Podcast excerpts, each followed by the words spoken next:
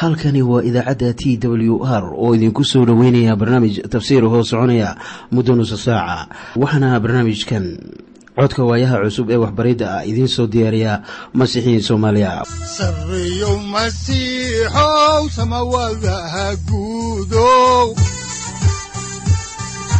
Siraadkii adduunkow subanaha eebow sareyow masiixow samawadaha guudow siraadkii adduunkow subanaha eebow adigoo ifkaan soo saldhiganba adigoo kutubtiisanaye udanogu saaciiday sharxin sifahaaga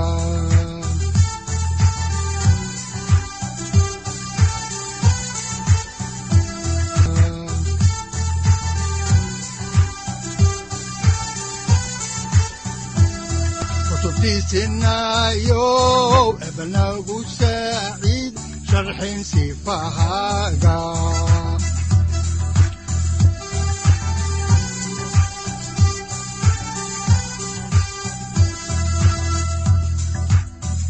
satirow ilaahow adanku su'aalne satirow ilaahow adanku su'aalne ku soo dhowaada dhegaystayaal barnaamijkeenna dhammaantiinba waxaannu caaway idiin sii wadi doonnaa daraasaad aynu ku eegayno injiilka sida mataayo oosu qoray waxaana daraasaadkaas loogu magac daray baibalka dhammaantii waxaannu macluumaad idinka siinaynaa ahmiyadda uu leeyahay injiilka sida mataayo oosu qoray. Waxaannu caaway soo gunaanadaynaa injiilka sida mataayo oosu qoray cutubka koowaad waxaanan uga gudbaynaa cutubka labaad. Mawduucyadii cutubka koowaad waxa ay kala ahaayeen abtirkii ciise iyo wixii laga qoray. Labo dhalashadii ciise ka dhashay bikraddii maryama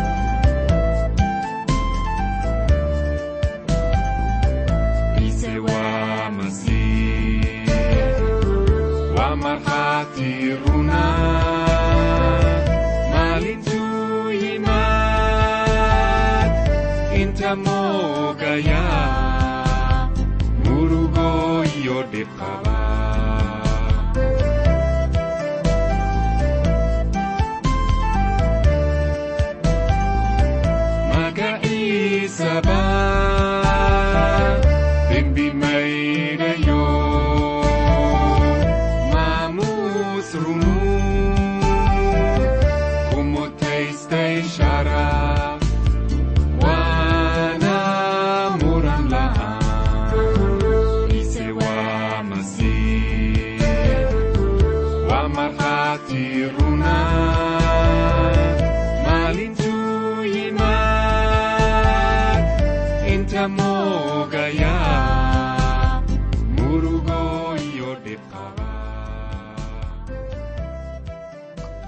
waxaannu markii ugu dambaysay ka faalloonaynay magaca iyo jegada ciise masiix waxaynu niri magaciisu waxa weeye ciise jegadiisuna waxay tahay masiixa.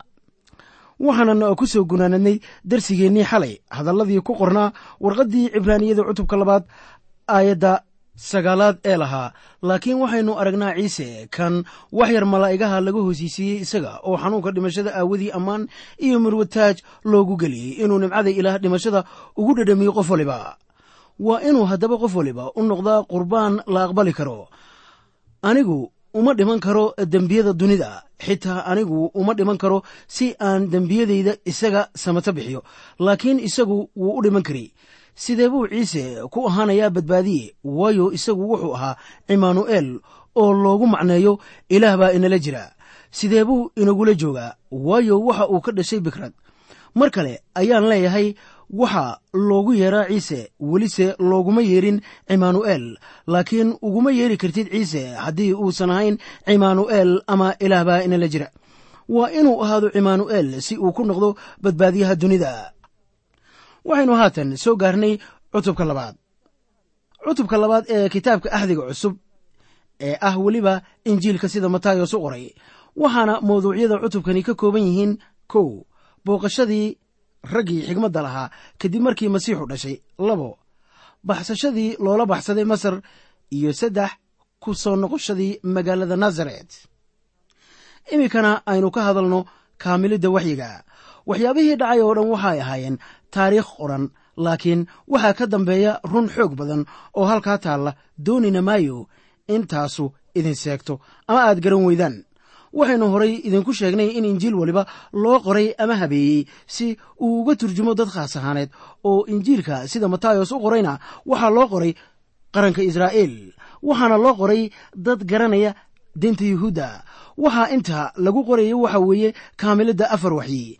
Marka la muujinayo sida loo kaamilay waxyiyada ku saabsan dhalashada ciise masiix ayaan ayidsanahay cutubkan labaad waxa ku qoran waxaan hubaa in ay jireen arday joogtay wakhtigii masiixa oo la yaabanaa sida waxyiyada oo dhan loo kaamilayo waxay u muuqataa howl adag.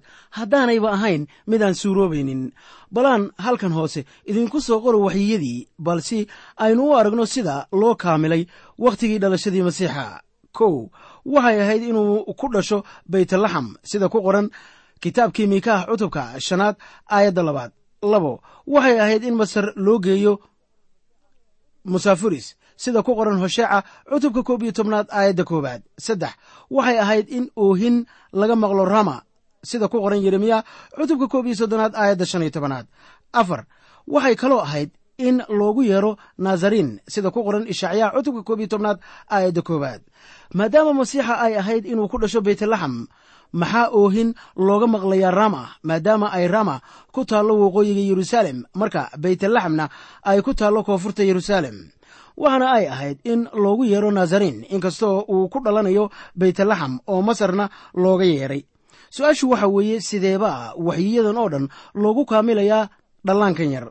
Waa hagaag matayos ayaa inahoga tusaalaynaya sida saxiixnimada iyo sahalkaba ah ee loo kaamilay iyadoon la jiidanin taariikhda iyo waxyigaba.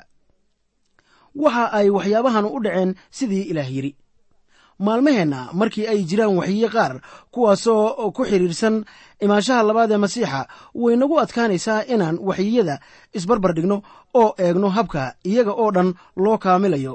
Waxaan markaa malaynayaa inaan ku soconno wakhtiga kaamilidooda oo aan arki doonno intaasu dhacayso ama u noqonayso ama u ahaanayso hab caadi ah oo sugan.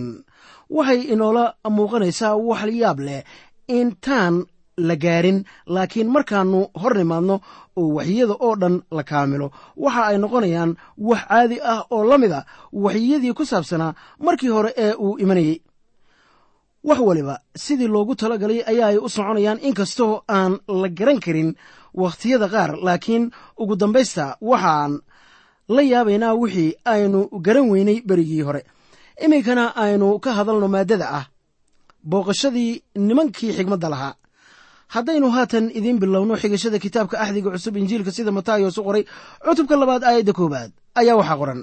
Goortii ciise ku dhashay beytlaxamtii yahuudiya waagii horidos boqorka ahaa waxaa yeruusaalem bari kaga yimi niman xigmad leh.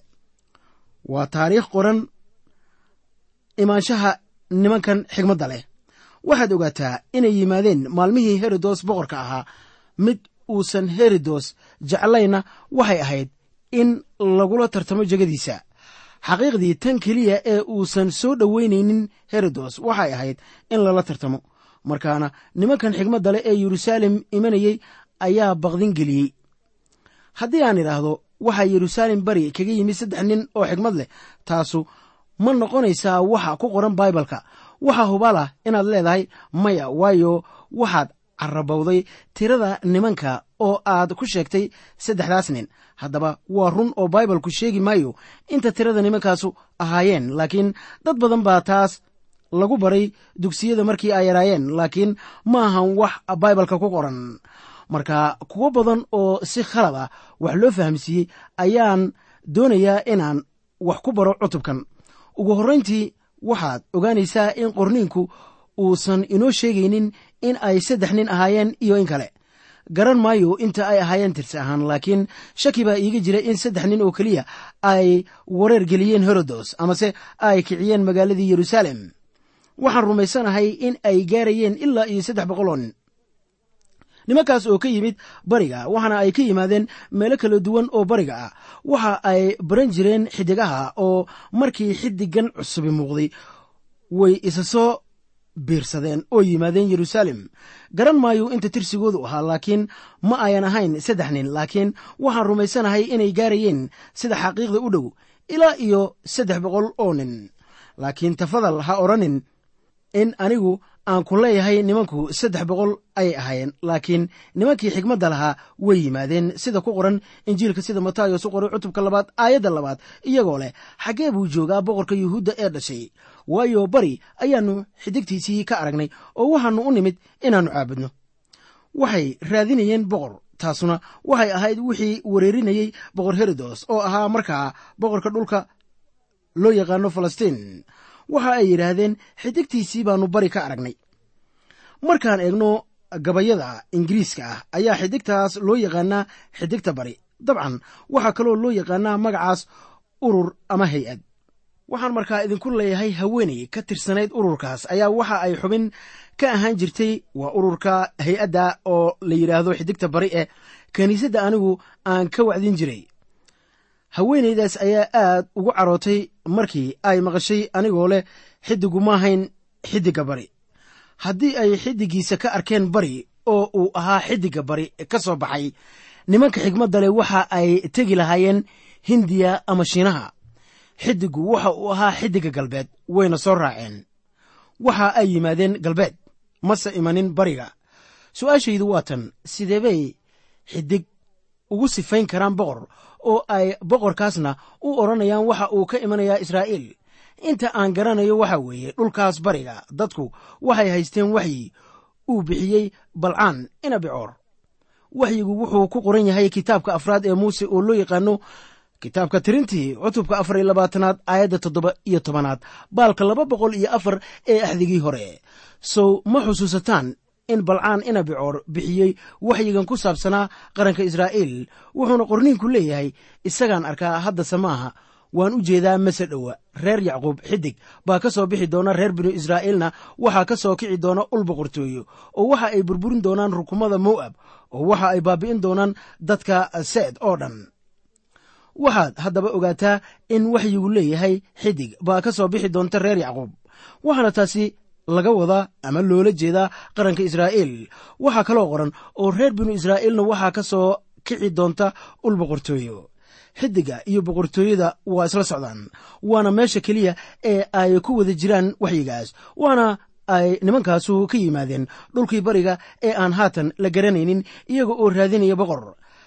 Tanuna waxa ay wereerisay oo kale dadkii degganaa magaalada yeruusaalem iyo boqor herodos haddaan qorniinka eegno ayaa waxaa ku qoran axdiga cusub injiilka sida matayos u qoray cutubka labaad aayadda saddexaad sida tan. Goortuu boqor herodos waxaan maqlay ayaa welwelay isaga iyo reer yeruusaalem oo dhan. Magaaladii baa buuq ka kacay markii nimankan tirada badan ay soo galeen. Waxaan ka shakisanahay in rag ka kooban saddex nin oo wufuud ah ay dadka welwel gelin karaan. Laakiin waan hubaa haddii saddex boqol oo nin ay dhex wareegayaan magaalada oo ay isweydiinayaan su'aalaha halkan ku saabsan boqorkan dhashay in magaalada oo dhaniba walwalayso. Herod waxa uu doonayey in uu ogaado wax ku saabsan xaalkan ninkanu waxa uu ahaa kan taariikhdu qorayso inuu ahaa herodoskii weynaa oo ahaa nin faalalow ah. Waxaan jeclaan lahaa inaad haysataan qaamuuska baibalka oo aad akhrisaan waxa ku saabsan qoyskii herodos.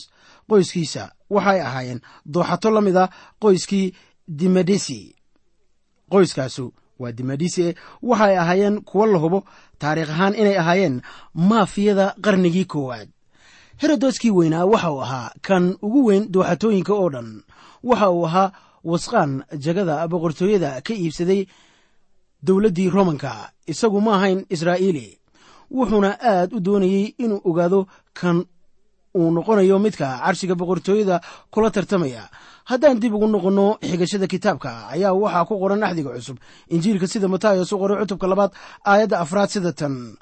Oo intuu isu ururiyey wadaadadii sare iyo culimmadii dadka oo dhan ayaa uu weydiiyey meesha masiixu ku dhalan lahaa. Ma uusan weydiisan. Ee wuu ka dalbaday wuxuuna ku yidhi waxaan garanayaa inaad qorniinka haysataan. Waxaana ku qoran qoraal ka hadlaya masiixa imanaya waxaan doonayaa inaan ogaado halka uu ku dhalan doono. Tan ugu cajiibka badan ayaa waxa ay tahay inay awoodeen in ay u sheegaan ama u sheegeenba halkii uu ku dhalan lahaa. Haddaan halkii ka sii wadno ayaa waxaa ku qoran axdiga cusub injiilka sida matayos u qoray cutubka labaad aayadaha shan ilaa lix sidatan oo waxa ay ku yidhaahdeen beytlaxamtii yuhuudiya waayo sidaasaa nebigii u qoray. Adiguna beytlaxam oo dhulka yuhuuda ahay kuma aad yaridba caaqilada yuhuudda dhexdooda waayo waxaa adiga kaa soo bixi doona taliye kan dadkayga israa'iil u talin doona. Markii herodos weydiiyey culammada su'aashaas wakhti kuma ayan qaadan in ay ka raadiyaan qorniinka way garanayeen halka ay ku qoran tahay. Waana miikaha cutubka shanaad aayadda labaad. Sida xaqiiqda ah uma ayan baahnayn in ay baalasha gedgediyaan. Maskaxda ayayba ku hayeen oo way xafidsanaayeen waxa ay garanayeen imaanshaha masiixa. Dhibkuse waxa uu ahaa aqoontooda waxay ahayd uun cilmi ahaan. Mase ahayn wax muuqda ama sugan.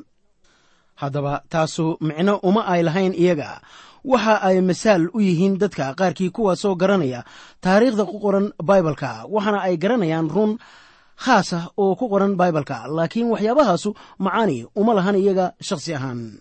Maadaama culimmadu ay si la yaqaan u garanayeen qorniinka axdigii hore ayaa ay kula noqonaysaa in ay u tegi lahaayeen nimankii xigmadda lahaa oo ku odhan lahaayeen waa sidee haddii aynu innagana idin raacno innaguba waxaynu doonaynaa inaynu soo aragno masiixa. Waxaan la yaabanahay maanta sida dad badan ay u eegayaan imaanshaha sayidka. Waannu ka hadalnaa waxaanan daraasaad badan ku samaynaa waxyiyada ku saabsan imaatinkiisa labaad. Miyaad haddaba jeclaan lahayd inaad haatan aragto? Kaba soo qaad in uu masiixu maantaba yimaado oo uu soo dhex galo meesha aad joogto iyo waxa aad samaynayso. Miyuu wax kuu dhimi lahaa ma waxaad jeclaan lahayd inaad ku tidhaahdo waxaan jeclaan lahaa masiixow inaad dib u dhigato booqashadaada ilaa iyo xoogaa. Haddaba herodos waxa uu warbixintan ka helay culimmada yuhuudda. Haddaan halkii ka sii wadno caaway faallada kitaabka ayaa waxaa ku qoran axdiga cusub injiilka sida matayos u qoray cutubka labaad aayadda toddobaad sida tan. Markaasuu herodos nimankii xigmadda lahaa hoos ahaan uga yeedhay oo ka hubsaday goortay xidigtu u muuqatay weedh baan haatan odhanayaa. Dib baanse isugu dayayaa inaan weedhaas caddeeyo. Xidigtu waxa ay ka muuqatay cirkii habeennimo. Wakhti ka hor intaanay nimankaa xigmadda lihi imanin yeruusaalem waxaad xusuusataa in ay ku safrayeen awr mase ahayn diyaarad. Waxa ay qaadanaysaa wakhti dheer oo adag marka awrta lagu safrayo. Waxaan aaminsanahay inaanay yeruusaalem imanin ilaa iyo sannad ugu yaraan intii xidigta la arkay markaana taasu iyaga uma ayan ahayn ciidda kirismaska maadaama ay soo galeen safar dheer oo daal miiran waxa ay rajaynayeen in ay arkaan masiixa oo hadiyado guddoonsiinaya waxaad haddaba ogaataa in herodos si asluub iyo xigmad ama xamaasad leh u weydiiyey raggii xigmadda lahaa wakhtigii ay xidigta uga muuqatay cirka. Haddaba taas ogow waxa ay taasu noqonaysaa arrin xaqaa'iqa oo muhiima sidaannu ku arki doonno qisada kol dambeeto. Markaana herodos waxa uu nimankii xigmadda lahaa u soo diray beytlaxam haddaan halkii ka sii wadno xigashada kitaabka ayaa waxaa ku qoran axdiga cusub injiilka sida matayos u qoray cutubka labaad aayadda siddeedaad sida tan.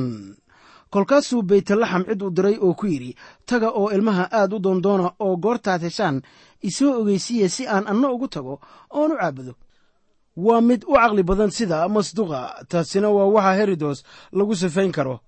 Kaba soo qaad inuu yidhaahdo haddii halkan agtayda ahay boqor ku dhasho anigu waan ka takhallusayaa dabeetana waa hubaal inuu askar u diri lahaa beytlaxam waxaan kuu xaqiijinayaa inaannu dhallaanka halkaa ugu tageen waa laga qarin lahaa.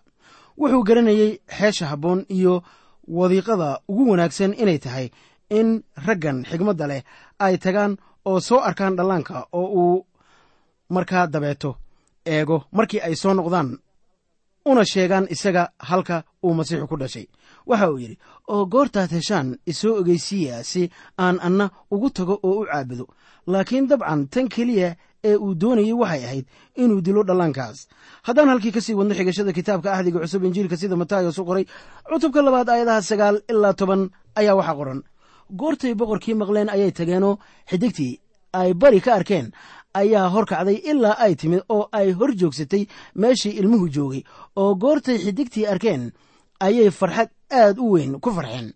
Haatan xidiggii ayaa mar kale muuqday. Waxaan u malaynayaa inay wakhti dheer soo safrayeen iyagoon arag xidigta. Waxaa taasu ka jawaabaysaa hadallada aan qiimiga lahayn ee la maqlo maanta kuwaasoo sheegaya inuu ahaa xidig meeraysta kaasoo soo baxa wakhtiyada qaar. Matayos ayaa caddaynaya in xidiggaasu yahay mid aan caadi ahayn. Sida xaqiiqda ah waa xidig aan horay loo arag oo aan caadi ahayn waana mucjiso ee yaynaan u raadinin faallo iyo sharaxaad kale. Haatan laga yaabo sida cirbixiyeenno badan ay u malaynayaan in wakhtigaa ay jirtay dhaqdhaqaaq xagga samada sare ka dhacayay markii uu imanayey samada iyo dhulka ayaa ka jawaabay imaatikiinsa dunida. Waxaan u malaynayaa in waxyaabaha caynkaas ahy dhaceen laakiin nimankii xigmadda lahaa waxay arkeen xidig aan caadi ahayn. Haddaan halkii ka sii wadno ayaa waxaa ku qoran axdiga cusub injiilka sida matayos u qoray cutubka labaad aayadda koob iyo tobnaad sida tan. Markaasay gurigii galeenoo waxa ay arkeen ilmihii iyo maryan hooyadiis wayna dhaceen oo caabudeen isaga oo intay khasnadahoodii fureen. Waxay isaga u dhiibeen hadiyado dahab iyo beeyo iyo malmal ah. Markii ay yimaadeen ciise kuma uusan jirin moorada ka dambaysay hodheelkii dhaqdhaqaaqii dadkii magaalada baytlaxam degganaa haatan wuu yaraaday. Waxa ay ku noqdeen guryahooda waayo qoritaankii dadku way dhammaatay ama wuu dhammaaday laakiin dhallaankan yar haatan buu dhashay oo islamarkiiba safar lalama geli jirin sida abaarta ah safarka caynkaasa waxa uu khatar gelinayaa noloshiisa. Markaana waxa ay iska sii joogeen baytlaxam oo waxa ay soo galeen guri mar kale waxaynu arkaynaa in karaarka laysku soo qoro ama kaararka laysku soo qoro wakhtiga ciidda masiixa inay ku sawiran yihiin saddexdii nin ee xigmadda lahaa oo imanaya mooradii xoolaha. Waa hagaag. Ilaa yuusuf u soo tilmaamo moorada mooyaane iyagu weligood halkaa ma tageen. Waxa ay nimanku yimaadeen guriga ee ma imanin mooradii uu ku dhashay. Bilixsaanag waxaad ogaataa markii ay arkeen dhallaankan yar oo la joogay maryan oo ahayd hooyadii in nimankanu dhaceen oo caabudeen isaga. Haddii weligeed ay jirtay wakhti maryan la caabuday waxay ahayd wakhtigan laakiin iyada lama caabudaynine nimankanu waxay ahaayeen kuwo xigmad leh. Way caabudeen oo guddoonsiiyeen hadiyado isugu jira dahab foox iyo malmal wiilkii dhashay ee yaraa waa wax xiise badan in la darso xaqaa'iqa ku saabsan imaanshihiisa labaad sida laynoogu sheegay axdigii hore kitaabka ishaaciyaha cutubka lixdanaad aayaddiisa lixaadoo leh. Waxaa ku badan doonaa awr iyo qaalmihii reer midyaan iyo reer ceefa. Kulligood waxa ay ka iman doonaan sheebaa oo waxa ay keeni doonaan dahab iyo foox rabbiga ammaantiisana waa la naadin doonaa. Maxaa haddaba loo dhigay imaanshihiisa labaad? Malmal ma aysan keenin malmal waayo taasu waxa ay ka hadlaysaa dhimashadiisa. Ilaah waxa uu ka hadlayaa dhalashadiisa. Wuxuu u dhashay sida boqor fooxuna wuxuu ka hadlayaa udeyga noloshiisa. Malmalkuna waxa uu ka hadlayaa dhimashadiisa. Waxyaabahan oo dhan waxa ay ka magac yihiin ama ka qayb yihiin hadiyadihii loo keenay imaanshihii koowaad. Laakiin imaanshihiisa labaad malmal loo keeni maayo marka xiga ee uu yimaado. Uu iman maayo inuu ugu dhinto isku tallaabta dembiyada dadka. Wuxuu u imanayaa sida boqorka boqorrada iyo sayidka sayidyada haddaan halkii ka sii wadno ama idinka sii maysno axdiga cusub injiilka sida matayos u qoray cutubka labaad aayadda labayo tobanaad ayaa waxaa qoran sida tan. Markaasaa riyo loogu digay inaanay herodos ku noqon oo dhulkoodii ayay jid kale u mareen nimankii xikmadda lahaa waxaa la ahayd in horidos daacad yahay oo waxa ay doonayeen inay u yimaadaanoo isaguna caabudo haddaba waxa uu dili lahaa dhallaanka. Haddaanay malaa'igta rabbigu u digin raggii xikmadda lahaa inay jid kale u maraan waddankoodii waxaa laga yaabaa inay dhanka koonfureed ee xebroon aadeen oo dabeetana soo mareen koonfurta badda mootan ama the dead sea. Markaana fogaansho dheer bay isu jirayaan herodos oo is arki maayaan iminkana aynu eegno baxsashadii yuusuf u baxsaday masar. Haddaan halkii ka sii wadno axdiga cusub injiilka sida matayos u qoray cutubka labaad aayadda saddex iyo tobanaad ayaa waxaa qoran goortay ka tageen malaa'igtii rabbiga ayaa yuusuf riyo ugu muuqatay iyadoo leh kac oo ka kaxee ilmaha iyo hooyadii oo masar u carar oo halkaas joog ilaa aan kuu soo sheego waayo herodos ayaa ilmaha dooni doona inuu dilo malaa'igtii rabbiga ayaa yuusuf riyo ugu muuqatay waxaana ay u sheegtay sidaannu aragnayba inay tahay wakhtigii baytlaxam laga carari lahaa. Waayo herodos baa doonaya inuu dilo dhallaanka. Haddaan halkii ka sii wadno ayaa waxaa ku qoran axdiga cusub injiilka sida matayos u qoro cutubka labaad aayadda afar iyo tobanaad sida tan. Wakhti habeena ayuu kacay oo ilmihii iyo hooyadiis kaxeeyey oo masar tegey. Haddaba waxaad eegtaa adeecistii yuusuf adeecay amaradii la siiyey innagoo eegayna sida ku qoran aayadda xigta ee shan iyo tobanaadoo leh oo halkaasuu joogay ilaa dhimashadii herodos inay noqoto wixii rabbigu kaga dhex hadlay nebiga isagoo leh wiilkayga ayaan masar uga yeedhay. Waxaa waxyigan laga soo xigtay axdigii hore kitaabkii hosheeca cutubka koob iyo tobnaad aayadda koowaad. Waa waxyi cajiib ah waayo waxa uu ku salaysan yahay taariikh. Waxaa wiilka looga yeedhay masar taasoo ka mid ahayd qurumaha kaasoo ahaa qof ama dhallaankan. Markaana yuusuf wuxuu wiilkan iyo hooyadii geeyey masar oo halkaasii joogeen ilaa ilaah uga yeedhay iyaga. Haddaan halkii ka sii wadno kitaabka ayaa waxaa ku qoran axdiga cusub injiilka sida matayos u qoray cutubka labaad aayadda lix iyo tobanaad sida tan. Goortuu herodos arkay in ay nimankii xigmadda lahaa ku cayaareen isagii ayaa uu aad u carooday oo cid buu u diray oo laayay wiilashii yareeraa oo dhan kuwii labada sannadood jiray iyo kuwii ka yaraa oo joogay baytlaxam iyo meelaha u dhow oo dhan. Sida wakhtigii uu nimankii xigmadda lahaa ka hubsaday. Qayb ahaan waxaan odhanayaa haatan waa malo. Qaybina waxa ay ku salaysan tahay xaqaa'iq sidaan horeyba u soo sheegay nimankii xigmadda lahaa ma ayan imanin wakhti arijirradu yimaadeen moorada xoolaha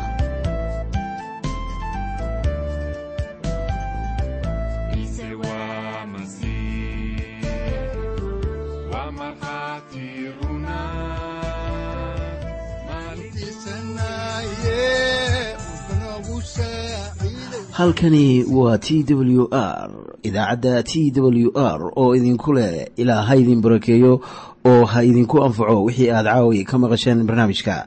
Waxaa barnaamijkan oo kalaa maqli doontaan habeen dambe hadahan oo kale haddiise aad doonaysaan in aad fikirkiina ka dhiibataan wixii aad caawi maqasheen ayaad nagala soo xiriiri kartaan som t w r at t w r c o k e dhegaystayaal haddii aad doonaysaan inaad mar kale dhegaysataan barnaamijka fadlan mar kale booqo www t t b o r g ama www t w r o r g halka sare waxaad ku arkaysaa markii aad gasho language ama luuqadda waxaana dooranaysaa soomaali.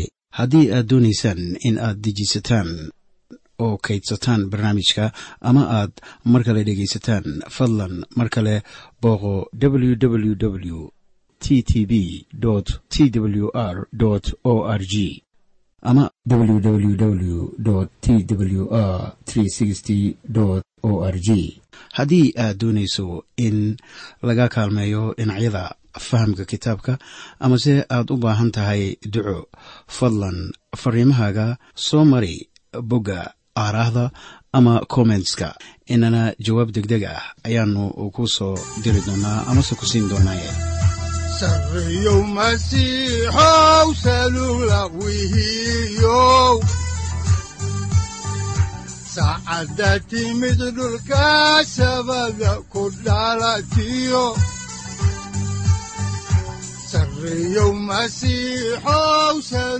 halkani waa t w r oo idiin rajaynaya habeen baraare iyo barwaaqaba leh inta aynu ka gaari doono wakhti aynu ku kulanno barnaamij la mida kan caawayay aad maqasheen. Waxa aan idinku leeyahay nabadda ciise masiix ha idinku badato xagga jidhka iyo ruuxaba. Aamiin